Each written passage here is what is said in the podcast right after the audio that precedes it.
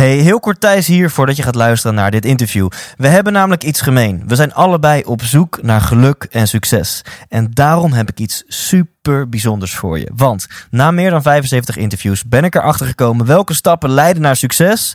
Maar ook dat succes heel vaak niet leidt tot geluk. Wat is nu een methode om succesvol te worden en tegelijkertijd gelukkig te zijn?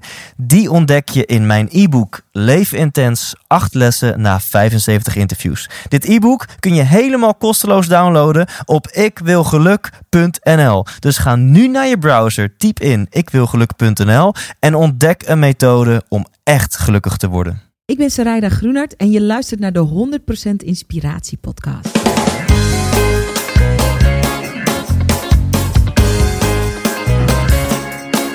Hey, wat goed dat je luistert. Hij staat weer voor je klaar. Je wekelijkse dosis inspiratie is weer daar. De allerleukste gasten geven al hun kennis prijs. Met je veel te blije host, hij praat je bij. Zijn naam is Thijs. Thijs, Thijs,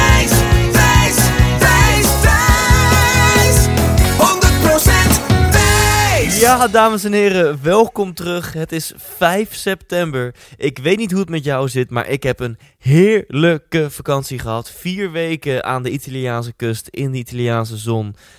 Lekker weinig gedaan eigenlijk. Boekjes gelezen, een beetje gefilosofeerd over het leven, nieuwe plannen gemaakt. En ik heb zoveel nieuwe frisse energie om weer verder te gaan en mooie dingen te gaan doen in mijn leven. En veel van die ideeën gaan ook over deze podcast, dus daar ga je komende tijd veel van eh, voelen en eh, van meemaken. Terug naar vandaag. Sarayda Groenhart staat voor jou op het programma en ik vind het een enorme eer dat ik haar mag interviewen. Je kent Sarayda wellicht van BNN. Ze heeft daar zes jaar lang gepresenteerd, onder andere Try Before You Die, eh BNN op reis en nog een hele hoop andere programma's. En inmiddels heeft hij de stap gemaakt om ondernemers te coachen. Dus zij is gestopt met presenteerwerk en zij start vandaag de Business BN'er Challenge. En dat houdt in dat zij ondernemers en ZZP'ers leert om de, de go-to guy of de go-to girl van jouw vakgebied te worden. Dus voordat je verder luistert wil ik je sowieso vragen om even naar businessbnr.nl te gaan. Dus oftewel, hoe kan je de BN'er worden van jouw vakgebied? Ehm, want vandaag start die challenge. Vandaag, 5 september, start die challenge. Dus je kan nu nog kan je opgeven op businessbnr.nl. Waar gaan we het dan over hebben? Dit, ja, het is een inspirerend en leuk gesprek geworden. Uiteraard deelt zij tips over eh, hoe jij de go-to guy of go-to girl van jouw eh, ehm, vakgebied kan worden. Maar ook als jij geen ondernemer of ZZP'er bent, is het een mega leuk en inspirerend gesprek. Hoe Sarayda in het leven staat, de keuzes die ze heeft gemaakt. Ehm, ja, ik zou zeggen, oordeel zelf. Ik vind het een toffe chick en ik heb er heel veel inspiratie uit gehaald. En ik denk dat Sarayda en ik elkaar nog wel vaker gaan, eh, gaan zien. Uiteraard stel ik ook een vraag over... ehm, ja, de dingen die ze met Try Before You Die heeft gedaan. Ik noem maar gewoon een willekeurige dwarsstraat. Worstelen met Nicolette Kluiver. In je bikini door het centrum rennen. Dat soort dingetjes. Ook eh, eh, dat soort vragen stel ik aan ze rijden. En ik zet haar on the spot. En zij stelt een vraag aan de gast van volgende week. Hier komt ze, Zarayda Groenhart. 100% Thijs. Oké, tegenover mij zit uh, Zarayda. Heeft zich net ontdaan van al haar sieraden. Aardse bezittingen. aardse bezittingen. En uh, sowieso dankjewel dat je hier bent. Ik vind het super leuk om hier te zijn. Ja, we, we hebben ook elkaar nu al een kwartiertje, twintig minuten gesproken. Volgens mij als dat was opgenomen, dan was het al een interessante aflevering geweest. Maar dat is ook het bizarre. Ik ga niet je, je intro onderbreken, maar soms heb je dat. Want wij kennen elkaar niet. Ja, En ik kwam hier binnen, prachtig pand, leuke mensen. En ineens zaten we zo midden in een heel levendig gesprek. En toen was het zo van, oh ja, we moeten, we moeten ook de podcast nog Ja. opnemen. Soms gaat het zo. ja. Echt, we hebben het al gehad Ja. over Tony Robbins, over ondernemen, over succes, over Game of Thrones. Dat was dan even... Dat hè, was even daar een soort elkaar niet in in de vinden. Matrix. Want, want Thijs kijkt dat niet. I know, I know. Daar heb je en respect voor en je voelt iets van pijn in je hart, snap ik. Maar het is oké. Ja, ja. Dus, dus ja, we het daar gewoon niet te lang over hebben. Nee. Hey, wat wil je worden als je later groot bent? Te rijden. Uitvinder. Uitvinden, oké. En ehm, wat voor beeld heb je daarbij? Eigenlijk is het, ik voel me nu al een beetje een uitvinder. Maar een uitvinder is iemand die gewoon iets kan bedenken en het dan ook gewoon kan maken. En ik weet toen ik eh, eh, eh, jonger was, als kind, Ja. Ehm, had mijn vader een hele leuke gewoonte. Mijn vader is niet al te lang geleden overleden. En soms is het zo dat als iemand overlijdt, dat je dan pas daarna nog beter in beeld krijgt hoe bijzonder sommige dingen waren. Ja. En mijn vader, die, toen ik een jaar of acht was, ehm, en we zaten bij hem in de auto of we zaten met hem in de trein. En kon hij wel eens zeggen van oké, midden in een gesprek zei hij oké, we rijden nu langs dat grijze gebouw. Dat is nu jouw bedrijf. En eh, wat ben je daar aan het doen? En dan zei ik, ik maak daar een paardentijdschrift. Of een turntijdschrift. Wat ik toen in die tijd dan interessant vond. Ja, en daar maakte ik dan altijd een tijdschrift van. Dan zei hij, oh, oké, een paardentijdschrift. En ehm, werken er ook mensen bij? En zei ik, ja, er werken honderd mensen. En dan zei hij, maar honderd? Maar honderd? Nou, is wel een beetje, beetje trage bedoeling. Oké, 200. En wat hij deed, altijd daarmee op die speelse manier, is... ehm, hij hielp ons om dingen gewoon hardop te dromen. En hij gaf ook het gevoel dat heel veel mogelijk was. Dat er heel veel Ja. kon. Dus dat uitvindergevoel, dat is eigenlijk bij hem vandaan gekomen. Ja. Zit nu ook eh, al in mijn eigen bedrijf. En in mijn ideale leven... En het is nu ook al heel ideaal. zeg Ja, ja. eerlijk, Maar je mag altijd blijven dromen. ja, in mijn ideale leven gaat het eigenlijk alleen maar daarover. Dat ik dingen bedenk en dat ik ze vervolgens gewoon maak. Wauw. En eh, heb je het over fysieke dingen dan? Of kunnen het ook dingen zijn, dus als een tijdschrift of zo? Ja, ik, Dat- ik denk, ehm, als, ik, als ik het heb over dingen maken, wat ik het allerleukst vind, ik heb eh, achtergrond in de televisie en als Ja. journalist. Ja. En eh, wat ik het allerleukst vind om te maken is een verhaal. Oké. En Ja. dat kan zijn op video, het kan een film zijn, het kan een documentaire zijn, het kan... eh, maar een verhaal maken vind ik Ja, het precies. Maar we hebben het dus niet over bankstellen of nee, uh, nee, drumstellen. nee, ja, we hebben het niet nee. over, over... Nee, Nee, want dat, ik dacht al, dan, ehm, dan heb je echt twee Nee. hele uit elkaar liggende passies. nee. En nu ben je volgens mij al best wel, wat je zelf ook al aangeeft, voor een groot deel. Doe je dat al? Dingen bedenken en ze dan gaan maken? Ja, en andere mensen helpen bedenken en maken.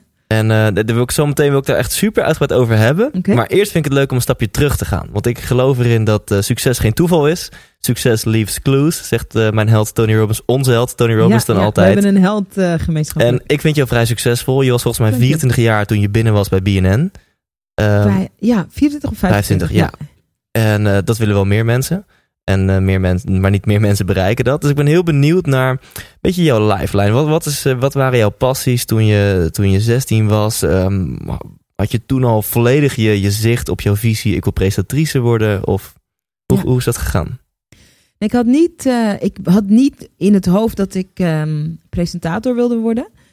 Ehm, ik had wel altijd dacht ik, ik wil. ehm, ik dacht dat, dat ik, ik wilde Surinaamse zakenvrouw van het jaar worden. Dat zei ik echt, vader, ik word later Surinaamse zakenvrouw van het jaar. Dat, was, dat is Ja? een prijs die je kan winnen. Ja, En dat leek ja me dat is wel gunstig als die prijs al bestaat. Ja, ja, die bestond ook echt al.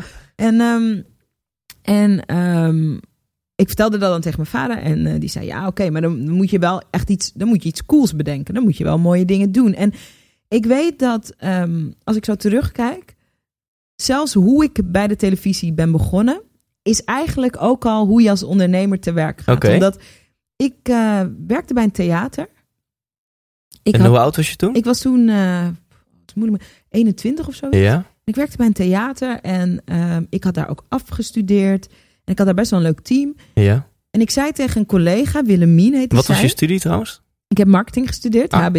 Ja. Oké. En dat leek me ook interessant, want dat ging dan over mensen. En ik wilde geen psychologie, want Ja. dan ging het altijd alleen maar over moeilijke dingen. Ik wilde wel over mensen, dus dat werd dan marketing of zoiets. Ehm, maar ik zei tegen Willemien, een collega daar, ik zei ja, ik vind dit, deze theaterwereld best wel interessant. Ja. Want er gaat heel veel creativiteit in om. Ik ontdek hier dat, dat het gewoon een baan is. Eh, decorbouwer is een baan. Ja. Regisseur is een baan. Ja. En dat, da- daar had ik nog geen weet van. Maar ik vind het zo gek en zo zonde dat ehm, we zoveel tijd en energie steken in het vertellen van een verhaal wat maar een heel klein groepje mensen uiteindelijk Ja. komt zien. Dus jij met je marketingbrein dacht, wow, er wordt hier vet veel energie in gestoken. Ja, en het is, het is omdat ik ben niet opgegroeid met theater, dus ja. ik weet hoe je dat, eh, hoe dat in je blinde vlek kan zitten. ja. Ehm, en ik zei, ik vind, ik vind nog steeds, ik wil, ik, dit verhalen vertellen vind ik heel cool, maar ehm, ik wil dat wel op een soort plek doen waar heel veel mensen dat dan per ongeluk of expres kunnen zien. Ja. Nou, dat had ik een keer een leuk gesprek met haar gehad daarover. En toen kwam zij ehm, een tijdje later eh, met een artikel uit, NRC, uit het NRC Handelsblad. Eh, zij zei, ik las dit en ik dacht aan jou. En dat was een artikel over MTV, de MTV Networks. En die gingen een nieuwe jongerenzender oprichten. En ik las dat artikel En de directrice, eh, Dorine Baas heette zij, die, die vertelde eigenlijk best wel omslachtig, maar ik las dat er wel uit. Van we hebben grootse plannen, maar we weten nog niet precies wie de doelgroep is. Ja. En toen dacht ik, oké, volgens mij, ik zou wel de doelgroep kunnen zijn. Dus toen ben ik de straat op gegaan. En toen heb ik allerlei leeftijdsgenoten ondervraagd. En toen zei ik, ik werk bij de nieuwe MTV-zender. En ik ben op pad gestuurd om te onderzoeken wat we willen zien. En toen ging ik met mensen in gesprek, eigenlijk doelgroeponderzoek. Maar Ja. dat heette niet zo in mijn hoofd. Ik dacht, ik moet gewoon ontdekken wat er mogelijk is. Ja? En van al die input, al die gesprekken, heb ik toen een plan gemaakt. En dat heb ik opgestuurd naar MTV. Eigenlijk met het verhaal, ik werk al voor jullie. Zullen we elkaar ontmoeten? ja zullen we het ook gewoon ook officieel salaris? maken? Ja, Ja. ja, precies. En, en waarom deed je dit? Wil- Wilde jij daar dus super graag werken? Nou, ik, ik, ik had het er met mijn vader over en hij zei: Kijk, iedereen zou wel bij MTV willen werken. Dus bedenk dan niet wat zo cool is dat ze niet om je heen kunnen. Oké. Zo is het ontstaan. En ik denk ook, ik denk hier de laatste tijd heel veel over na, ook omdat mijn vader is overleden is, nog niet al te lang geleden. Ehm, ik noem dat een beetje de, de immigranten mindset. Mijn ouders die zijn uit Suriname naar Nederland gekomen Ja. in 1975 om hier te studeren. Vader kwam scheikunde studeren en mijn moeder pedagogiek. En zij weten wat het is om van een hele andere plek te komen en om ergens je plek ook te moeten veroveren. En dat dat niet iets is wat per se vanzelf gaat. En dat je niet kan verwachten dat iedereen altijd maar zit te wachten op je. En dat het heel goed is om een soort welkomstcadeau mee te brengen. Ja. En dat kan zijn je energie, dat kan zijn een goed idee, het kan zijn ehm, ehm, enthousiasme. Maar breng iets mee. Kom niet alleen maar, oh, het lijkt me leuk om hier te werken. Want, eh, weet je, Ja. maak het zo makkelijk mogelijk Ja. eh, om ja tegen jou te ja, zeggen. maak het eigenlijk gewoon een no-brainer. Weet je, dat ze Ja. gek zijn als ze je niet Ja, aannemen. ja. Oké, dus, dus je had niet zoiets van dat, dat er een specifieke job was bij MTV die jij onwijs ambieerde. Maar je dacht gewoon, ja, het is gewoon vet om bij MTV te leuk, werken. En ehm, oké, cool. Ja. Dus toen stuurde jij dat op. Ja, en toen kreeg ik niet meteen reactie, want zo is het echte leven ook. Ja. En toen dacht ik, ik ga gewoon bellen. Ik ga gewoon net zo vaak en lang bellen totdat iemand echt heeft gezegd: nee, we haten jou. Ja. ja, ja, je hebt toch niks te verliezen. Nee, wat maakt het nou uit? Ja. Ik, ik werk er nu ook niet. En ik, eh, ik, ehm, ik belde en ik, eh, ik deed dat op maandag altijd. Domme dag als ik daar nu aan terugdenk, maar wel heel consistent. Mhm. En ik bouwde een soort vriendschap, of niet vriendschap, maar een soort band op met Carolien. Dat was de assistente van de directeur. En er werd een soort running gag van, eh, bel je nu alweer? En dan zei ik steeds voor de grap, maar wel ontspannen en dus niet gefrustreerd. Ja, ja. Heel belangrijk ja, detail. Van, ehm, zolang jullie nog geen nee hebben gezegd, ehm, bel ik gewoon. En het is echt een leuk plan en je moet er echt eens naar kijken. En als het vreselijk is, dan weet ik dat ook weer. Maar kijk er gewoon eens naar. En toen, na wel een paar maanden, dus het was wel ook even de vriendelijke aanhouder wint. ehm, toen kwam ik daar op kantoor en dat was ook meteen het kortste sollicitatiegesprek van mijn leven. Want de directeur, Dorine, zei: Ik weet niet precies wat je kan. Er staan goede dingen in dit plan, maar er staan ook heel dingen waar ik niks mee kan. Maar je bent in elk geval wel een doorzetter. Dus kom hier maar werken. Ik had ook geen functieomschrijving. Ik Ja, werkte achter de schermen. En, en als ik even in mag breken, functieomschrijving. je werd dus aangenomen niet op, op zeg maar de, de inhoud van, van, je, van je sollicitatiebrief of van je cv, maar puur op de vorm. Ja. Omdat ze jou leerden kennen, omdat je bleef bellen, omdat je Ja. volhardend was. En het leek me gewoon heel leuk. En ik heb ook altijd, want nu, ik, ik heb het wel eens eerder verteld. En nu zijn er ook mensen die mij stolken met wat zij een goed idee vinden. Alleen. Als mensen dit horen en voor jou willen werken, dan denk je, ah, ik ga elke dag bellen. gebeurd. Ja, Ja. alleen, ehm, alleen niet boos worden als ik niet reageer. Het zit meer in de, want, want er zit meer in de formule dan alleen maar Ja. elke week bellen. Ja, zeker weten. Ja. Ik bleef ook, ik begreep wat ik eh, noem, eh, dat heb ik afgekeken, die term bij eh, Amerikaanse ondernemer Ramit Sethi. Ik weet niet of je hem kent. Nee. Ehm, ik begreep de power dynamic. Ik weet dat de directeur van een MTV-zender het drukker heeft dan ik. Ik weet dat als ik haar mail, dat ze me niet terug hoeft te mailen. Ik weet dat al ben ik tien keer de straat op gegaan om een plan te maken dat het niet uitmaakt voor haar. En dat het ook niet hoeft uit te maken, want ik wil daar werken. Dus met die nederigheid was het contact dus wel heel doortastend. Maar Ja. niet, ik denk niet, jullie zijn mij niks verplicht. Ja. En de combinatie van nederig zijn, maar wel doortastend zijn en een visie hebben, dat is heel aantrekkelijk. Ja. Niet, eh, Ja, niet je vindt dat je een visie hebt en nu ben je boos omdat ik het niet begrijp. Ja, Dat werkt niet zo. Ja. Dus dat heeft gemaakt, eh, zo ben ik daar begonnen. Eerst achter de schermen. ja en zonder functietitel Ja. dus. Echt alles staan kabels gesleept op de TMF Award. Wat een zusterzender was. eh, Wat wel cool was, denk ik, om achter de schermen allemaal mee te maken. Zeker. Maar ook daarvan, kabels gesleept, ehm, ehm, redactiewerk gedaan wat ik heel leuk vind, productiewerk waar, ik, eh, waar er altijd heel veel geregeld moest worden. Maar ik ben daar niet binnengekomen met het idee van, oh my god, ik ben een ster. Wat fijn voor jullie dat ik er ben. Het is gewoon beulen. Ja. En daar moet je ook van houden. Ik, je moet ook Ja. houden van het werk. En het presenteren Ja. kwam pas later. En ja. ik ben heel benieuwd hoe dat erin kwam. Oh, nou, ik moest eh, een castingdag eh, produceren. Ja, waar er twaalf mensen kwamen, eh, twaalf of zo, veertien mensen kwamen langs. ja. En toen heb ik gewoon aan het einde van de dag een plekje voor mezelf ook. Zei ik, surprise, jullie hebben de hele dag mensen bekeken. Ik heb ook de opdracht voorbereid. en toen deed ik het best wel goed, omdat ik niet, er was, stond niet zoveel druk op. ja. Eh, want ik dacht, ik heb hier al een baan. Maar toen waren ze toch heel enthousiast. Dus ik heb gewoon een, eh, een gaatje in het schema voor mezelf geproduceerd. En eh, casting, eh, op mijn eigen geregelde castingdag, een casting gedaan. En, en hier ben ik dan ook weer benieuwd van wat, wat was toen de why? Ehm, d- dacht je, lijkt me gewoon een vette kans. Ehm, was je er al achter gekomen dat je een enorme passie had om voor de schermen iets te doen? Nee, want ik was ook in het begin een heel slechte presentator. Misschien vinden sommige mensen nog steeds dat zou kunnen. Ik was wel altijd een goede interviewer. Ja? eh, maar dat ontdekte ik daar pas daarna. Nee, het is niet zo. Ik vind dat die verhalen ook heel mooi. Maar het leek me gewoon leuk. Eh, Ja, nee, dat is Ja, toch chill? ja, dat dat ja. je niet zegt van... Maar Ja. ja, Het leek me gewoon echt Ja. leuk. Wij keken MTV heel veel Ja. als kind. Met wij bedoel ik ik en mijn broertje. Ehm, echt zo, dat, daar- daar, kunnen ook allerlei mensen mening over. Maar wij, wij waren echt van die tv-kinderen. ja. En eh, die dat heel graag dan. eh, dus het leek me gewoon heel leuk. Het leek me gewoon leuk. En ik dacht, ik ben hier nu toch. En, het, toen... was ook, het was ook helemaal fijn geweest als, eh, ehm, als iemand anders uiteindelijk het was geworden. Maar ik denk dat er onderschat wordt. ehm, ook omdat we leven in een tijd van heel veel zelfhulpboeken. En het gaat heel vaak over visie. En dat is ook een belangrijke visie. En eh, hè, weten wat je wil. En keuzes maken en keuzestress. Het is gewoon ook heel oké om je stroom te volgen als iets je leuk lijkt. Dat is gewoon ook Maak oké. het niet ingewikkelder. Ja, want dat, En als het niet meer zo leuk is, dan, moet je, dan kan je altijd weer een nieuwe keuze maken. Ja. Daar Ja. hoef ik denk ik jou niks over te ja. vertellen. Nou, ik, ik, nou, ik vind heel, je antwoord vind ik echt heel leuk. Dat, je, ze- dat ik vraag je, was het misschien je passie? En, en dan zeg je, nou, het leek me gewoon leuk. Ja, En dat is misschien voor meer mensen, voor mensen die luisteren, ook wel gewoon even een geruststelling van... Je wordt nu zo doodgegooid met het woord passie. Hè? Vind je passie, koop een passie, huur een passie. Weet je, als je geen passie hebt, dan... dan, dan gaat het niet goed. Ja. dan- ja. dit is ook gewoon lekker verhelderend. Eh, je mag het ding ook gewoon doen als ze je leuk lijken. Ja. En Ja. doe ze maar en dan ontdek je wel Want of zo dat is. ontdek je vanzelf. Ik weet nog Ja. wel de eerste keer dat ik... ehm, eh, en nu ben ik daar stukken beter ook in. Eh, maar de eerste keer dat ik eh, zeg maar een tekst op camera moest presenteren met een autocue. Dat is zo'n camera waarin de tekst ver- verschijnt. Mhm. Wat nieuwslezers gebruiken. Dat was voor mij heel ongemakkelijk. Nog steeds. Ik kan ook niet autocuen.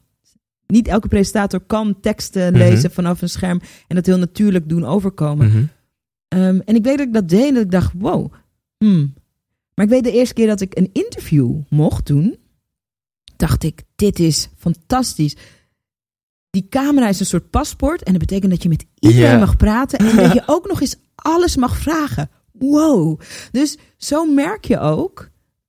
Waar... Klinkt alsof je gewoon in een super vette videogame zit. Ja, totally. Ja. Dat er gewoon van, ik, ik ken jou niet. Eigenlijk hoe dit ook ontstaat. Wij kennen Ja. elkaar niet. Maar deze gekke vorm, de vorm van een podcast, maakt gewoon dat we super openhartig met elkaar in gesprek kunnen. Ja. Wat cool. Ja. Wat cool. En ik denk ook als je gewoon gaat volgen wat je leuk vindt, dat je vanzelf die passie wel opduikelt. Want dat zijn dan gewoon de dingen die je het allerleukst vindt. Ja. Maar je moet daar even tegenaan lopen. Ja. En vaak kan je het ook niet bedenken aan de voorkant. En laten we vanaf hier wat sprongetjes nemen. Toen ben je uiteindelijk eh, eh, gaan werken voor BNN. Heb je Ja. toffe dingen gedaan. En Ja. toen heb je, ben je daar gestopt. Of Ja. in ieder geval heb je ervoor gekozen om dingen te gaan doen eh, als en voor ondernemers. Ja. Ehm, kun je eerst eens heel kort wat vertellen over je, je sprong naar, naar, naar BNN? En daar heb je vast wat gekke verhalen over. En ik vind het ook tof hoe je dat voor elkaar hebt gekregen. Ja, eigenlijk op dezelfde manier. Ik werkte een paar jaar bij MTV, super leuk. Maar ehm, bij BNN gebeurde er heel veel. En er was een jongerenzender ook. En ehm, MTV was heel veel muziek. En dat is ook, daar, da- daar weet ik ook veel over. En dat vond ik heel leuk. Maar het leek me ook leuk om programma's te maken over andere soort onderwerpen. En ik hoorde in de wandelgangen dat ehm, BNN een, een, eh, een urban muziekprogramma wilde gaan doen. Dat ze met het idee flirten. Je- Ik zat Ja. al in die wereld, dus dan hoor je soms dingen. Ja, ja. En toen dacht ik, oké, ga ik eh, een suffe sollicitatiebrief schrijven met het lijkt me echt leuk om... eh, of eh, kan ik weer op een hele leuke, vrolijke manier de deur intrappen? En toen dacht ik, ik ga gewoon alvast een pilot maken van wat ik denk dat het programma wel zou kunnen zijn. En omdat ik in, bij MTV al, ik had al wat artiesten ontmoet en ehm, ik kende die muziekwereld wel, dus daar staat een goede link in voor mij. Maar toen ben ik gewoon naar de filmacademie gegaan en toen met spaargeld eh, een cameraman. Zo, is er iemand die hier camera kan doen voor 300 euro? Ja, ja. En is er iemand die kan monteren? En toen heb ik gewoon bij de filmacademie twee mensen vandaan geplukt. En een reportage gemaakt over. ehm, wat was dat ook weer? Oh ja, ehm, Nike. eh, het schoenenmerk ging een, eh, een schoen ontwerpen met een paar bekende rappers, maar ook een paar relatief onbekende rappers. En ik dacht, dit is nou eigenlijk een onderwerp wat ze bij dat BNM-programma zouden moeten doen. Ja. Dus toen heb ik daar een reportage van gemaakt en zo'n beetje presentatieteksten voor naar achter opgenomen, zodat het een soort mini-programma was. En dat ingeleverd in plaats van een sollicitatiebrief. En het mooie was dat eh, dat was ook weer helemaal niet. Het was geen tien hoor. Het was helemaal niet heel mooi afgewerkt. eh, ehm, het was niet een tien of zo, maar het gevoel dat er bij BNN ontstond was van: hey, er is al iemand die het werk doet. Ja. Cool, kom maar werken. En ook daar, ik werd daar aangenomen eerst als regisseur. Ja. En ging pas later presenteren. Ik stopte mezelf gewoon in alle filmpjes. Zeiden ze nou, Dat je zegt, ja, ik, ik als regisseur denk toch dat het goed is om ehm, ja, mezelf... eh, ja, ja. ja, ja, Nou, ik stopte mezelf in al mijn films, maar, ik, maar wat de doorslag gaf, was dat eh, ik ehm Roeland Fernhout, ik Mhm. weet niet of hij dat weet trouwens, wij kennen elkaar helemaal niet zo goed, acteur. Ehm, die interviewde ik maar buiten beeld. Mhm. Maar het, wa- we hadden zo'n leuke eh chemie, dat hij zei, nou, nou, je moet even met me komen dansen. Zo heel raar, rode loper was dat. Ik zo, oké. Mhm. En toen zeiden ze bij BNN van nou, als, eh, als acteurs aan je vragen of je op de rode loper met ze wil dansen, dan is het misschien wel gewoon oké als je in beeld bent. Dus we gaan gewoon, Ja. het is misschien oké. Laten we het gewoon eens proberen. Dus zo is dat ook ontstaan ook. Tof. En welke programma's heb je daar allemaal gedaan? Want ik heb vooral dingen van Try Before You Die gezien. Ja, Eh, held op sokken, altijd bang. Ja, Try voor je die, eh Spuit en Slikken. Bekend programma over seksualiteit en drugs. Spuit en Slikken op reis, dat is de reiseditie. Eh documentaireachtig Cool. is dat. Was heel cool om te doen. Nu we er toch zijn, eh, wat muziekprogramma's die ze deden. Ehm, een programma over het internet, dat heette 24-7. Dus echt verschillende dingen. En ik heb ook voor BNN radio gemaakt op Radio 1. Hoe is het leven als presentatrice? Is dat niet, als je dit zo vertelt, denk ik echt, is dat niet één grote rollercoaster? Gewoon- Ja, heel leuk. Heel, heel leuk. En ik heb zes jaar bij BNN gewerkt. Wel spannend, omdat ehm, je wordt ook heel zichtbaar. Eh, en, ehm, en dan vinden mensen wat van je. Dus daar, dat is ook een heel proces, maar heel leerzaam. En eigenlijk merk je dat er aan het eind van de dag niks vervelends gebeurt. Tenminste, dat heb ik ervaren. Dat is wel heel cool. Ja, dat het wel spannend is om bekeken te worden. En het is ook spannend als mensen je leuk of stom vinden. Mhm. Maar dat het, het maakt ook niet zoveel uit als je, als je angstig ervoor kan Oké, zijn. ja.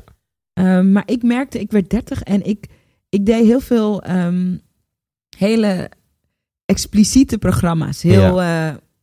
ja, Spuit en Slikken, super spannend programma. Try Ja. Before You Die, super spannend. Worstelen met Nicolette Kluiver. Daar Mo- moeten we het even Ja, over hebben. daar hebben? moeten we het even over hebben. Ja, ik wil- Modderworstelen, ja. ja, ik heb natuurlijk een beetje research gedaan aan jou. En, en geheel toevallig. Ik weet niet, alle paden leken te leiden naar dat ene filmpje. Nou, het worstelmoment, ja. Ja, hoe was dat? Ehm, ehm, nou, ik heb wel verloren.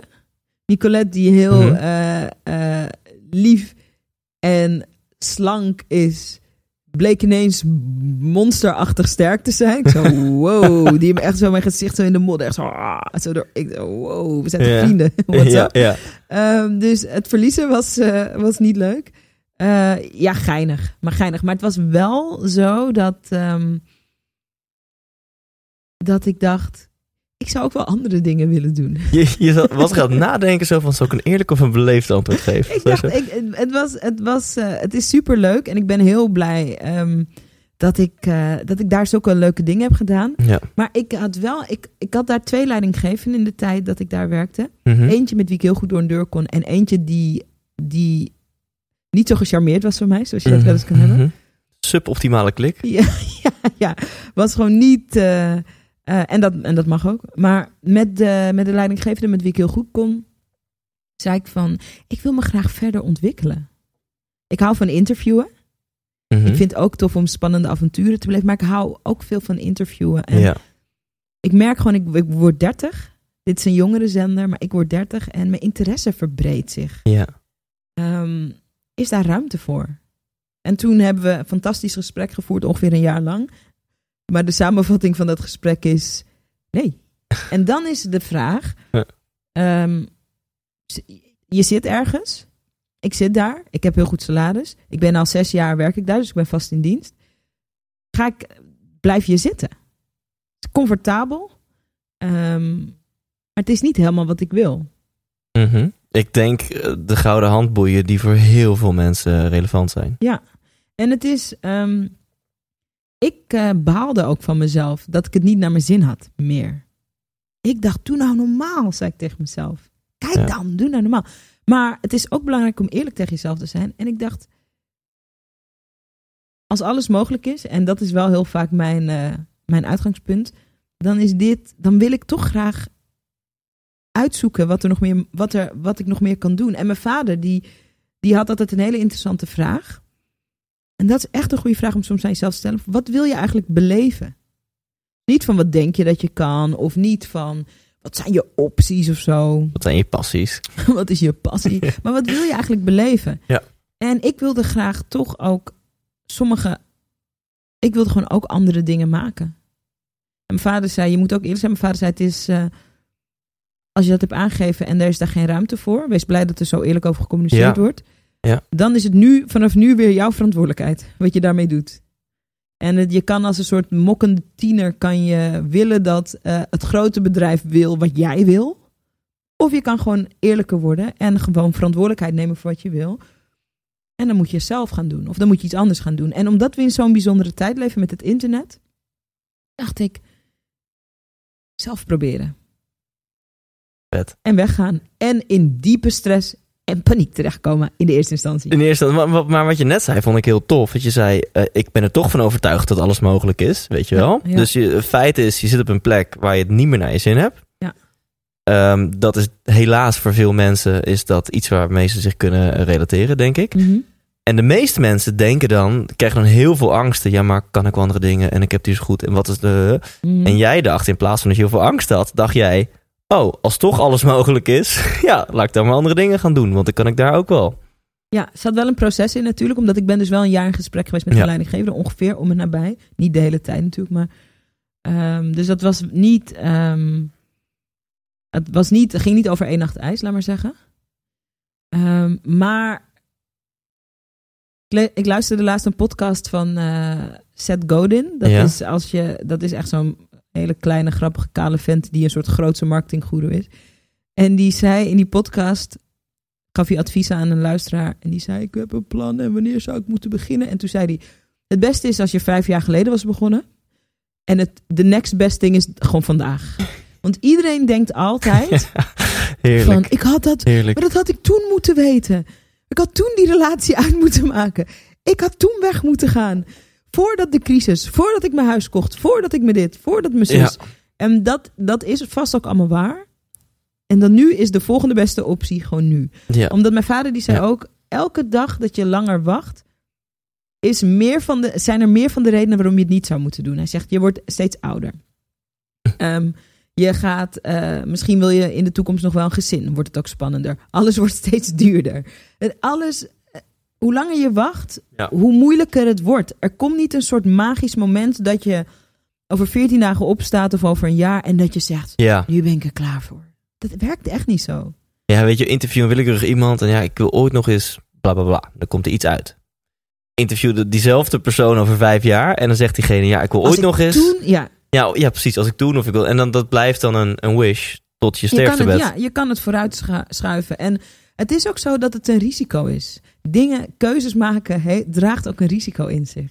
Ja. I know, is geen leuk nieuws, maar is gewoon wel waar. Ja. Ehm, maar mijn vader zei, joh, ah, je, dan ga je toch weer, je hebt toch gewoon, dan ga je toch ergens anders werken, weer. Ja, want jij maakt dus de keuze om te stoppen bij BNN. Ja. Wat, nou, respect daarvoor. Ik vind ik echt wel een, een knappe keuze. Ja, ik was wel al zo ongelukkig geworden dat het niet meer zo Oké, moeilijk voor jou. En, toen, gaf je het eerlijk toe, ontstond wel eerst een, eh, een fase Total. van complete paniek. Totaal. Total chaos. Ja, totaal. Ehm, dat, het heeft ook te maken met hoe je je keuzes neemt. Ik weet, voor mij is het belangrijk. Ik hoop dat dat nu een beetje veranderd is. Voor mij werkte het het beste om gewoon eerst een schip achter je te verbranden. Mhm. Eh, ik heb ook eh goede vriendinnen die ook ondernemers zijn, die heel gefaseerd en Ja. stelselmatig Ja, in en uit heel situaties gestructureerd en Ja. doordacht. Heb Ja, ik mega veel respect voor. Voor mij is het zo, verbrand gewoon echt de brug. Verdrink bijna. Kom dan proestend boven. En dan heb je opeens een goed idee. Ja. Dus ik, eh, ik had wel plannen en ik had... ehm, ik dacht, ik ga op het internet. Ik ga gewoon eigenlijk een online tv-stationnetje beginnen. Niet goed nagedacht over verdienmodel. Totaal Mhm, niet. mhm. Heel erg alle energie in de creativiteit. Ik denk dat veel creatieve ondernemers zich daar ook in herkennen. Ehm, ik werkte ook als journalist, dus ik dacht, ik blijf gewoon journalisten. Ja. eh, ik blijf gewoon reportages schrijven. Dus dat, hè. Ehm, en toen na een maand of zo dacht ik, oh my god, de hele optelsom komt echt totally niet uit. Want om allemaal leuke programma's voor het internet te maken, heb je ook veel geld nodig. En dat kan je nooit dekken met je journalistensalaris. Ik zo, ah! Ja.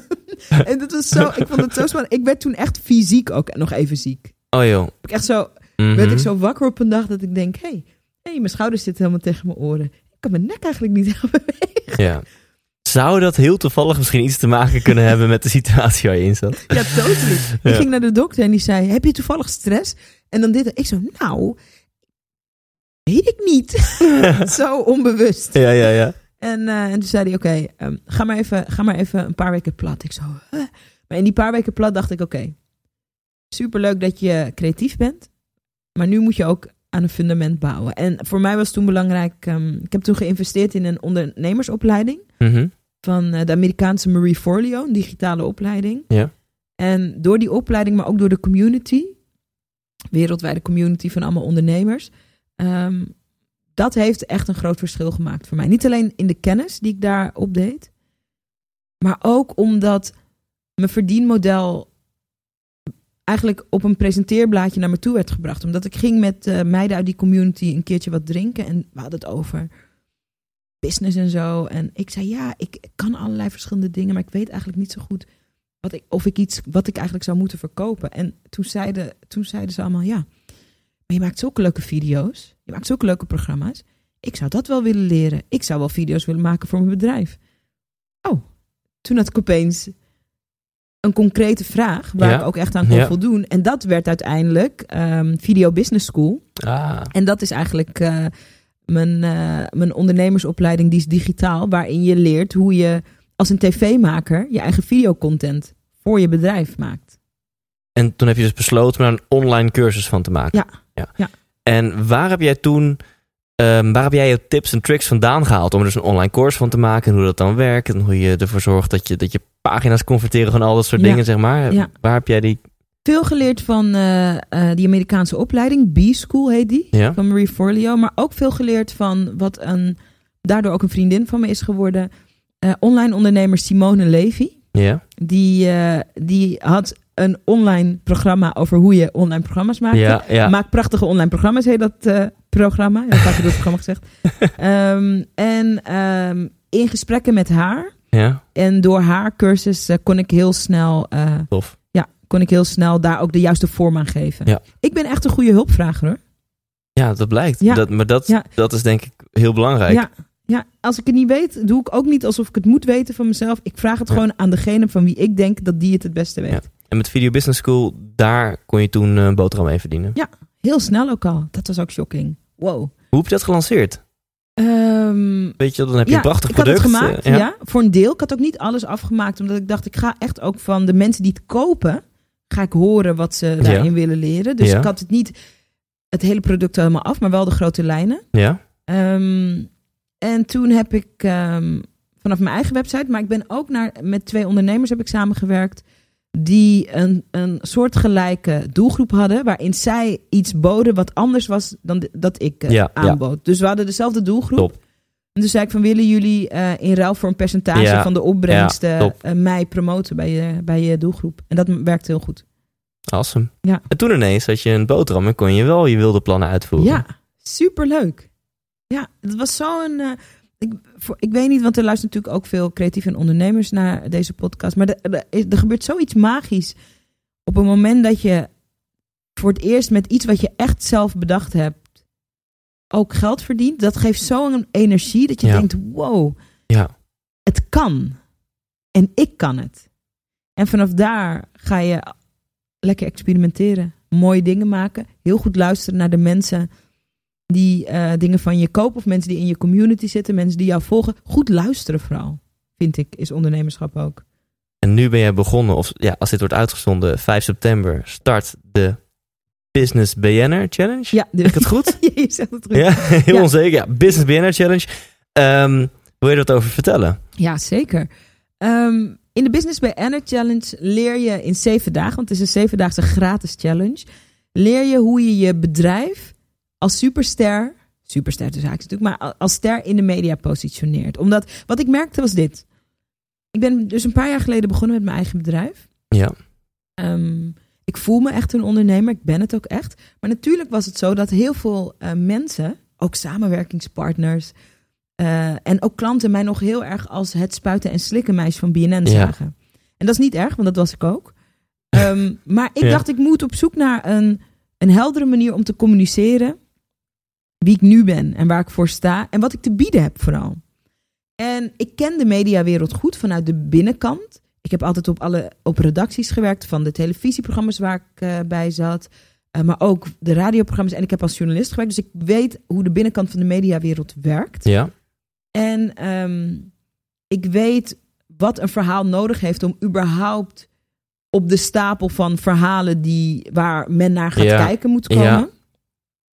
En ehm, ik weet hoe belangrijk het is om je eigen verhaal goed te vertellen. Dus toen ik mezelf eigenlijk opnieuw ging voorstellen aan mijn eigen netwerk, maar ook mensen buiten mijn netwerk, ehm, met de mediakennis die ik had, merkte ik dat dat al dat, dat, dat ik daar heel veel controle over had over hoe mensen ehm, mij ervaren. En bij de Business Banner Challenge leer je dat. En dat kan zijn op een heel klein podium. Misschien is het interessant voor jouw business om een keer eh, een gastblog ergens te schrijven. Of misschien heb je wel iets fantastisch en is het leuk voor jou om ehm, bij een grote talkshow aan tafel te zitten. Het maakt niet uit of, dat, of je een groot of een, een eh, wat kleiner podium pakt. Maar het is super belangrijk voor de levensvatbaarheid van je creativiteit en je bedrijf. Dat meer mensen voor wie jij een verschil kan maken met je werk, weten dat je bestaat. Ja. Dat je meer mensen bereikt met wie jij bent en wat je Ja. doet. Ik vind het heel tof dat jij dus andere ondernemers helpt. Eh, onder andere ook vanuit alle kennis die je hebt als journalist en, en eh, regisseur en redactielid, et cetera, allemaal bij, bij tv, media, dat soort dingen. Want Ja. ik denk dat heel veel ondernemerscoaches die komen uit het ondernemerswereldje en Ja. jij komt ook uit de mediawereld. En als Ja. journalist weet je denk ik als geen ander Waar een dat verhaal op er, ja, sneuvelt. dat er zo'n stapel verhalen binnenkomt Ja. en dat er maar eentje wordt uitgekozen Ja. of nul. Ja, en ik bedoel, ik ben niet, eh, ik ben geen magier. Ik kan niet met een toverstaf zwaaien en dan zit je opeens bij Matthijs van Nieuwkerk aan tafel, helemaal niet. Maar ik weet wel wat je kan doen om je kansen drastisch te vergroten. Omdat ik weet wat het is om op een redactie te zitten en, en in potentie goed verhaal binnen te krijgen.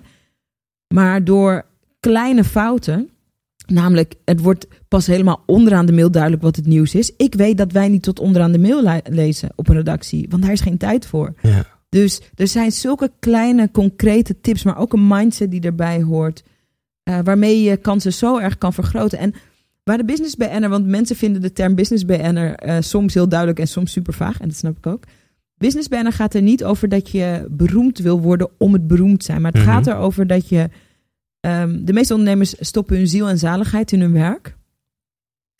En soms loopt dat heel goed, soms wat minder goed, soms heel soms sappelt het voort. Er zijn verschillende varianten mogelijk. Maar de realiteit is dat omdat we in een wereld leven waar, waar we te maken hebben met oneindig aanbod, als jij eh, eh, wil sporten thuis, stel je voor dat je vandaag opstaat en dat je denkt, ik denk dat je dat al doet, maar dan zijn er een miljard opties voor jou. Je kan naar een sportschool, je kan met een personal trainer, je kan online trainen, je kan in je eigen stad trainen. De- On, eindeloos. Dus voor jou, die de, jij die de keuze maakt, jij koopt niet alleen wat je wil doen, maar je koopt ook de context waarin het wordt aangeboden. Je koopt ook eh, de, de, de intentie van de persoon. Ik weet niet of dit vaag klinkt, maar als er, als er tien Mhm. mensen sieraden maken, Ja, als er tien mensen sieraden maken en er zit een, een, een sieradenmaker bij die heel gepassioneerd en goed weet uit te leggen dat ze handgemaakt, dat ze met handgemaakte materialen werkt, dat ze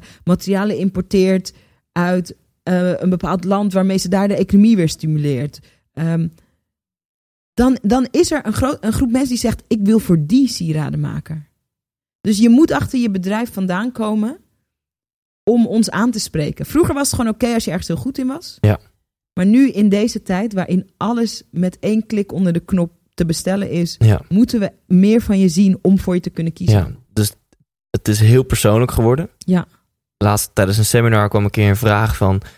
Het ging heel erg over Facebook marketing. En toen heel vaak kwam de vraag... Ja, maar dat is, is- dat is toch business to consumer? En ik zit in business to business. En het was het antwoord van die vrouw die dat seminar gaf. Ja, maar het, het is person to person. Ja. En daar geloof ik dus ook heilig in. Ja. En een eh, mooie uitspraak van, eh van Eelco de Boer vind ik. Die zei een keertje... Concurreren op prijs is een gebrek aan creativiteit. Ja, er zullen nu ook mensen zijn die zeggen: Nou, helemaal niet. Ik ben het daar wel mee eens. Ja. Dus Ja. je wil niet dat mensen voor jou kiezen puur omdat jouw sieraden het goedkoop zijn. Puur omdat je online training het goedkoopste is. Of wat dan ook. Je wilt Nee. mensen voor jou kiezen om jou. Of, of om je mooie werk. Kijk, het, de grootste angst Ja. of de grootste belemmering Ja. die eh, mensen voelen, is dat ze denken dat ze geen verhaal hebben. Ja. Ja, maar ik weet niet wat ik zou moeten vertellen wat interessant, mogelijk interessant kan zijn. Ja. Alleen, sommige van de dingen die jij heel normaal vindt van en bij jezelf, zijn voor de rest van ons die niet in jouw hoofd wonen, denken wij, Ja. wow, Ja. dat is bijzonder en dat is cool. Je verhaal zit heel vaak ook in je eigen blinde vlek. En wat ik interessant vind bij de Business Banner Challenge, die gratis is, maar ook de community die we daarbij hosten, is dat je in een omgeving bent waarin je ook kan gaan ontdekken dat wat zo logisch en natuurlijk voor jou is, dat dat, dat, dat het verhaal is. Om je een voorbeeld te geven. ehm, ehm, een van de eh, meiden die bij mij in het team werkt in het bedrijf, ehm, Lissa. Zij doet onze financiële back-office. Zij eh, heeft een chronische ziekte, waardoor ze soms in de maand twee dagen plat moet. Mhm. Zij heeft haar hele bedrijf zo gestructureerd dat wanneer zij een, een, een chronische aanval krijgt, dat alles vlekkeloos doorloopt. Ze is een one-man show, maar ze heeft dat toch zo gestructureerd. Toen zij dat tegen mij vertelde, wij werken samen, zei ik: Lissa, je weet niet hoe bijzonder dit is. Ja. ja. Je weet niet hoeveel mensen er baat bij hebben om Check. dit van en over jou te horen. Als inspiratie. Het is dus niet langer een soort enorme beperking als je chronisch ziek bent. Ehm, je zou dit kunnen leren ook aan mensen, los van of je dat wil. Maar als meer mensen, dit is bijzonder. Ja. Je zou hier eh, mensen, oh, je zou hierover kunnen spreken als je dat wil. Eh, Je zou hier een leuk boekje over kunnen schrijven. Ik, dus is van alles mogelijk. Maar je zou gewoon ook, ook misschien meest eh, relevant, je kan opdrachtgevers aantrekken die dat waarderen in jou. Ik waardeer dat in haar. Alleen al om die reden is het interessant om te kijken waar je dat verhaal eens een keer kan vertellen. En Lisa zei, ik, ik wist helemaal niet dat het zo... En dat is het ding. De dingen die je zo, bijzonder, of zo gewoon vindt van jezelf... of aan je bedrijf of de manier waarop je werkt... is voor de rest van de wereld een inspirerend verhaal. Ja. En ik geloof er echt in dat elke ondernemer zo'n verhaal heeft. Een verhaal dat een podium verdient. In de media. Kleine media of wat traditionele grote media. En bij de Business Banner Challenge ga je ook ontdekken wat het is. Dus Ja. dat is super vet. Ik zou gewoon meedoen hoor. Ja, ja. En volgens mij in de afgelopen twee minuten heb jij bewezen wat onder andere jouw grote talent is. Want je gaat even on a rant van alle mogelijke dingen die, die, die zij allemaal zou kunnen doen. Omdat ze dat één unieke verhaal heeft, Ja, zeg maar. En, wat voor haar zelf zo ja, en, en jouw groot talent is in elk geval dat je een onwijs ondernemer bent en een onwijs marketingbrein hebt. En dat je gewoon echt zo goed weet van wauw, dit kun je op zoveel manieren vermarkten en op mooie manieren inzetten. Ja, en ik denk ook, het zit ook heel erg, want zo ontstaat het in mijn brein. Omdat ik vind het heerlijk om zo'n verhaal te horen. Ja. Ik heb geen chronische ziekte, maar voor mij is het ook geruststelling. dat het zo kan. Ja. Dat het ook zo zou kunnen. Dus vanuit die inspiratie die we voor elkaar kunnen Ja. betekenen, gaat bij mij allemaal. En dan denk ik, oh, maar dan wil ik ook een boekje over lezen. Ja. Dus ik neem mezelf ook heel vaak daarin Ja, mee. cool. Of oh, dan als ik een evenement heb, we hebben in het najaar evenement, vind ik het ook heel leuk als ze dat bijvoorbeeld komt vertellen. Ja. Dus zo zit ik altijd, ja, dat is Tof. als een soort gek, eh, als een soort gekke Tasmaanse Tasmanian Ja, Devil raast ja, er dan ja, ja. creativiteit uit. Dat vet. En voor de duidelijkheid, een business BN'er is dus niet iemand die per se beroemd wil worden, Nee, maar is nee. elke ondernemer ZZP'er die vanuit zijn kennis, vanuit zijn autoriteit of expert zijn op het vakgebied, zijn bedrijf runt, toch? Ja, en ook wat, wat ik merk, wat we aantrekken, daar ben ik heel blij mee, is ehm, ehm, de business BN'ers in SPE die wij aantrekken. Ja. Dat zijn allemaal ondernemers die wel vanuit een, een, een, een sterke missie een bedrijf zijn begonnen. Ja. Net zoals hoe jij je bedrijf bent begonnen in duurzaamheid, ook om iets bij te dragen. Of ook om ehm, te ondersteunen of om te helpen. Wij hebben bijna geen ondernemers, ik trek dat gelukkig ook niet aan, die zeggen: eh, Ik ben gewoon in business om gewoon snel rijk te worden. En om dan de rest van mijn dagen te slijten op, in zo, op- Ja, ja, ja. in- aan het strand of zo. ja, ja, ja. Het is juist voor die ondernemers die mooi werk doen. En zich juist willen bezighouden eigenlijk met de inhoud van het werk. En die het steeds mooier en beter willen maken. En mag ik jou on the fly gewoon wat, wat vragen stellen? Want Tuurlijk. bijvoorbeeld, eh, ik las ergens, geloof ik, in jouw persbericht dat, dat ehm, in die challenge leer je hoe je de, de go-to guy of de go-to girl in jouw vakgebied wordt. Ja, Toch? ja. Nou, ik wil heel graag de go-to guy worden als het gaat om inspiratie, succes, geluk. Geef me eens tips. Hoe kan ik dat doen? Wij kennen elkaar tot vandaag nog niet, maar we hebben natuurlijk even een soort zitten kletsen. Ja. Wat denk ik het allerbelangrijkste is, ehm, is wat ik in elk geval in jouw verhaal hoor. En wat ik, en ik gebruik gewoon mijn eigen, mijn eigen reactie ook heel vaak als graadmeter. Hè? Ja. En dat kan iedereen doen. Jij hebt op jonge leeftijd een bedrijf opgebouwd. ehm, waar je heel trots op bent. Maar je bent niet helemaal verstrikt geraakt in je bedrijf. Weet je hoe fijn dat is? Weet je hoeveel mensen een bedrijf beginnen waar ze vervolgens helemaal in vast komen te zitten? Wat, waar ze vervolgens 90 uur per week werken, in diepe stress verkeren, hun gezin nooit meer zien, Ehm, het altijd alleen maar hebben over de zaak. Mhm. Ehm, en eigenlijk een situatie voor zichzelf creëren die veel heftiger is dan voordat ze dat bedrijf hadden. Dus helemaal niet. En terwijl de, een van de grootste drijfveren is, eh, als je je eigen bedrijf begint, is om een bepaalde vorm van vrijheid te voelen. Creatieve vrijheid, ook financiële vrijheid natuurlijk. Dus ik zou het heel leuk vinden als jij ons wat meer kan leren. Want ook omdat ik vind dat zelf namelijk ook best wel een uitdaging. Hoe we met dezelfde vrijheid waarmee we ons bedrijf beginnen, hoe we die niet alleen kunnen behouden, maar hoe we die misschien ook nog wat kunnen vergroten, zonder dat het ten koste gaat van het bedrijf dat we bouwen. Ja. Als je dat kan vertellen aan mij, dan hang ik voor altijd aan je lippen. Ja, je weet me wel te vleien. Ja, ja, ja, dat echt Eh, hoor, want dat is ja. echt heel knap. En, en de tip die hier dus in zit, is je- jij duikt meteen naar het verhaal. Je, je komt niet met een tip van eh, doe die dingen, doe dat dingen, maar je duikt meteen naar wa- wat jouw intuïtie vertelt, wat bij mij, wat mij wat, uniek wat maakt. een verhaal zou kunnen En zijn. vanuit dat Ja. verhaal, Ja, en vanuit dat verhaal, als je dat verhaal heel helder krijgt. En dat doen we bijvoorbeeld ook bij de Business BN'er Challenge. Dan gaan we je uitdagen om dat verhaal. Want voor jou is dit heel normaal. mhm. Toen jij net vertelde van ja, en toen heb ik dit en toen dit. Zat ik echt zo, wow, echt waar? zo zat ik erbij. Dus Ja. ehm, het eerste is, de eerste tip is. Doe wat je kan om uit je eigen blinde vlek te komen. En de blinde vlek klinkt negatief, is het niet per se. Ehm, probeer te ontdekken wat aan jouw verhaal, of wat aan jouw bedrijf kippenvel veroorzaakt Ja. bij iemand anders. En Ja. als je nu denkt, ja, maar ik veroorzaak geen kippenvel. Je veroorzaakt altijd kippenvel bij iemand. Ja.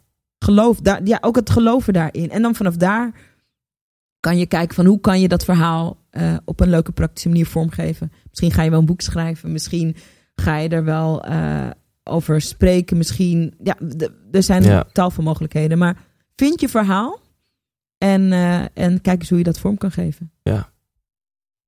briljant. ik, ehm, ik ga me sowieso aanmelden voor de Yes. Business BN'er Challenge. Waar moet ik heen? businessbnr.nl Ja, dus BN'er zonder de apostrof, gewoon B-N-E-R. Ja, ja. Businessbnr.nl. Ja. ja. En dan kom je ook als je via thewhygirl.nl. Ja, je kan ook via thewhygirl.com Oh, sorry. eh, kan com. je ook inschrijven. Businessbanner.nl is wel het makkelijkst. Ja. En ehm, ook als je dit na 5 september hoort, dat zou kunnen. ehm, schrijf je gewoon toch in, want je kan ook later instromen. Oké. Het is wel het leukst om meteen vanaf het begin mee te doen, want dan krijg je alles mee. Ja. Het is natuurlijk een zevendaagse waarin we dat stap voor stap opbouwen. Ja. Ehm, en wat ik het leukst vind is dat we hebben een besloten Facebookgroep. En daar ben ik elke dag te vinden. Je kan me daar vragen stellen. Je krijgt elke dag een videoopdracht thuisgestuurd met een werkboek. Het kost je in totaal niet meer dan 15 minuten per dag, omdat ik ook weet dat we hebben allemaal geen tijd over. Dus ik heb dat zo compact mogelijk gehouden. Maar ik vind het wel leuk dat die community er is. Zijn andere ondernemers, andere creatieve gelijkgestemden. En daar ben ik ook. En we kunnen je helpen meedenken over wat er leuk en interessant is. Ja. Aan jouw bed- bedrijf of aan de manier waarop je werkt. Ja. En, dus het is ook een warm bad waar je instapt. En het is geloof ik zeven dagen lang, Ja, toch? zeven dagen lang. 15 minuten per dag. Ja, en eh, er zijn tal van verrassingen en bonussen. We geven heel veel prijzen weg. Mediawaarde op Sprout. Dus eigenlijk als je nu nog luistert en niet zeg maar online achter je laptop bent gegaan om je aan te melden, dan ben je niet slim. Nou, nee, nee, nee, nee, Oh. nee, nee, dat zou ik niet Ja. willen zeggen. Je moet inderdaad wel ergens iets van een, een hartkloppingje of een soort kippenvelletje voelen. ja, ja. Als je dat niet voelt, ook fijn. Het is ook niet voor iedereen. En jouw doel is om 10.000 Ja. ZZP'ers ondernemers de maar- challenge te laten doen. Ja, maar we zijn daar echt nog lang niet. Oké. dus, dus net voor dat laatste eindsprintje. Ja.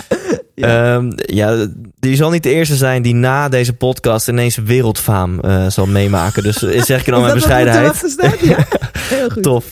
Ehm, cool. Ja, ik vind het heel cool. Dus zo- zoek, ga uit je blinde vlek, ga naar jouw verhaal. En vanuit daaruit zijn er tal van leuke, praktische manieren om jouw verhaal vorm te geven.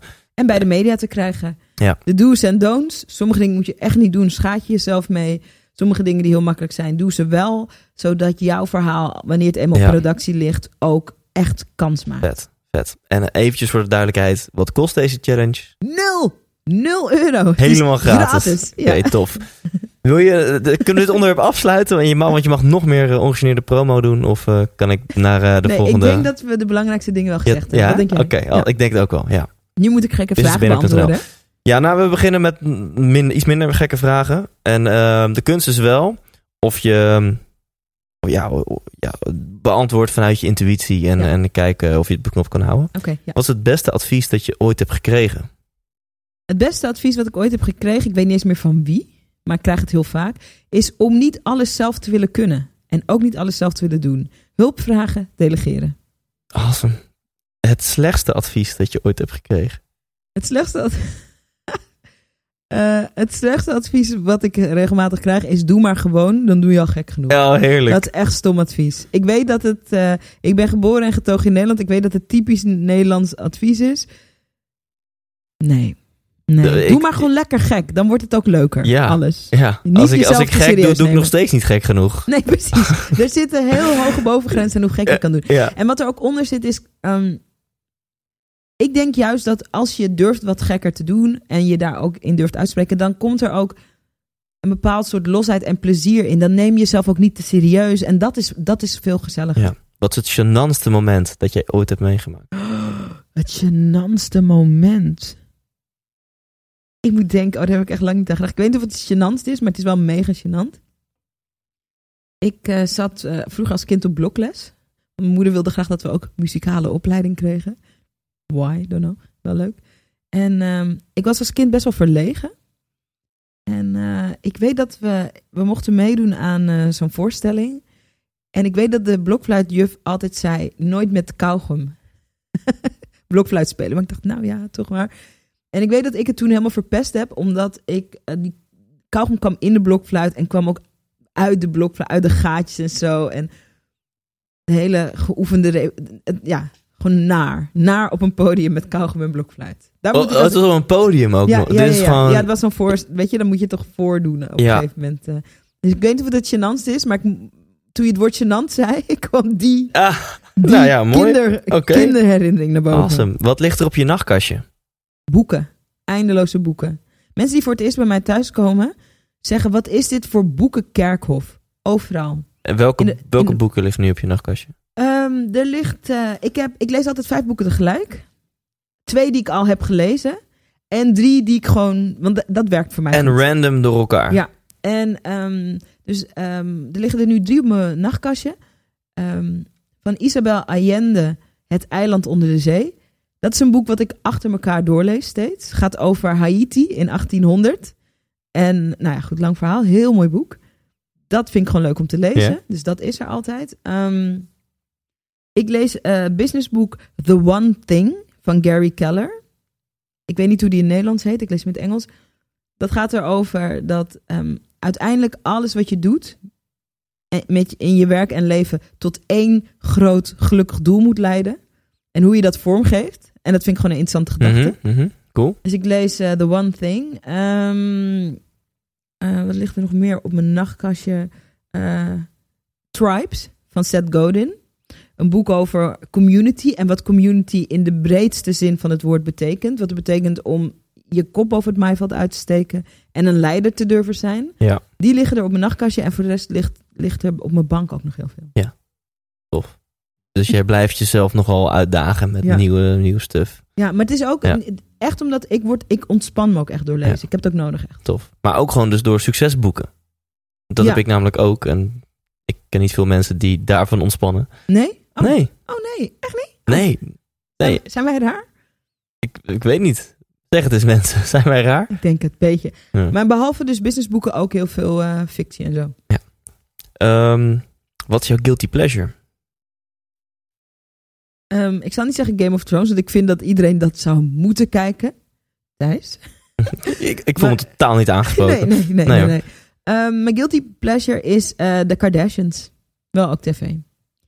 Ik loog daarover. Ik zei, dit is echt zo dom. Je wordt echt dom van dit kijken. En vervolgens broeit op te nemen. Ja, dat is echt hoe het gegaan is. Zij is echt zo oppervlakkig. Maar elke keer als het voorbij komt, blijf ik wel heel lang hangen. En toen heb ik ook nog een tijdje tegen mezelf gezegd... Ja, maar als tv-maker, ik onderzoek hè, wat dat is. Dat ook al is het zo inhoudsloos, dat ik toch blijf kijken. En toen later moest ik gewoon toegeven... Nee, nee, je bent gewoon een fan. je bent gewoon een fan. Oké, Kan je wel een lang verhaal van maken, Tof. je bent gewoon een fan. tof. Wat is er laatst gebeurd in de, in de Kardashians? Oh, er gebeurt altijd van alles. Ah, oké. Er gebeurt altijd van alles. Ja, nee, we moeten daar niet over Ja, nee, anders oké, eh, blijven we. De, eh, deze man schop ik niet uit mijn bed. Zo, ehm, er passeren nu in mijn brein een lange rij aan mannen. Maar ehm, er is... Hij is een Engelse acteur en hij schijnt de eerste zwarte James Bond te worden. Wat een heel ding was. James Bond zwart, oh my god. Maar eh, hij heet Idris Elba. Mhm. Hij is van oorsprong, of hij is, hij is opgegroeid in Londen of zo. Ik denk dat hij oorspronkelijk komt hij ergens anders vandaan. Maar dat is echt een prachtige acteur. En als ik zeg maar man zou moeten tekenen, een ideale man, dan zou hij het zijn. Oké. Idris Elba. Ja. Idris, als je dit hoort. Oh my god, bel me. ik ben gewoon vrij, dus bel me. Awesome. dit is eh, het gevaarlijke gedeelte. Daar zijn we nu beland. Dus haal diep adem. Oké. Voel je geaard. Ja, voet op de Focus. grond. Ja, Ochtend of nacht. nacht. Bestuurder of passagier. Altijd de bestuurder. Groene smoothie of Engels ontbijt. Groene smoothie elke ochtend. Naakt of pyjama. Naakt. Kamperen of all-inclusive. All inclusive. Daar hebben we het al even over gehad. Ehm, klassieke muziek of death metal. Dan klassieke muziek. Nooit meer seks of nooit meer muziek. Jeetje. Nou, dan moet ik maar wat neurien, maar wel dan maar nooit meer muziek. Want, Ja, je, seks Anders- is te goed. nou, dan neurie ik wel wat. Met, want, Ja. Weet je wel? Ja, denk ik. denk ik hoor, weet ik Hutje veel. op de hei of herenhuis aan de gracht. Heerhuis aan de gracht. Wilde tijger of Russische dwerghamster. Russische dwerghamster. Ja, om te hebben? Ja, nou ja. ja, ja. Ma- Malediven of IJsland. Malediven. Warm. Thuis koken of uit eten. Ik zou willen zeggen koken, maar de realiteit is uit eten. Basic fit of personal trainer. Personal trainer, anders komt het er nooit van. Maandagochtend yoga of vrijdagmiddag borrel. Vrijdagmiddagborrel. oh, ik, ik wil zo maandagochtend yoga iemand zijn. Maar het Maar is, het lukt ja, niet. nee. Ehm, risico's nemen of op veilig spelen. nee, risico's nemen. Ja, geld maakt gelukkig of geld maakt ongelukkig. Geld maakt gelukkig. Richard Branson of Steve Jobs. Richard Branson. Justin Timberlake of Justin Bieber. Oh, Timberlake. Focus op de toekomst of focus op het hier en nu? Hmm. Ik probeer meer te focussen op het hier en nu. Genieten van de weg er naartoe of genieten van het eindresultaat? Oh, moeilijk. Ehm, genieten van de weg, dat is wel echt belangrijk. Meer geleerd ook sinds mijn vader is overleden. Ja. Je weet niet waar je morgen Ja. bent. Is er nog een vraag die ik jou had moeten stellen, maar nog niet gesteld heb? Ehm, wat een leuke eindvraag. Ehm, wat had je... Dan stel ik de vraag even anders in mijn hoofd. Wat moet Thijs nog van mij weten voordat dit gesprek voorbij is? Dat ik een sublieme salsa-danseres ben. Ik had dit gesprek ook niet willen beëindigen zonder die informatie. En ik zeg subliem Hm. met bescheidenheid in mijn hart. Want het is wel zo. Want je, je bent er echt fucking goed in. Ja. Oké, en dat het is ook zo- leuk. Oké.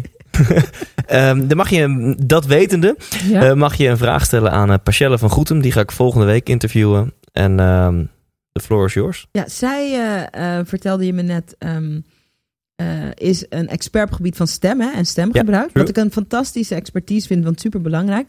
Maar ik zou wel eens willen weten wanneer zij voor het laatst met stomheid geslagen was. Dus zo geroerd of geraakt was dat er geen geluid uitkwam bij haar.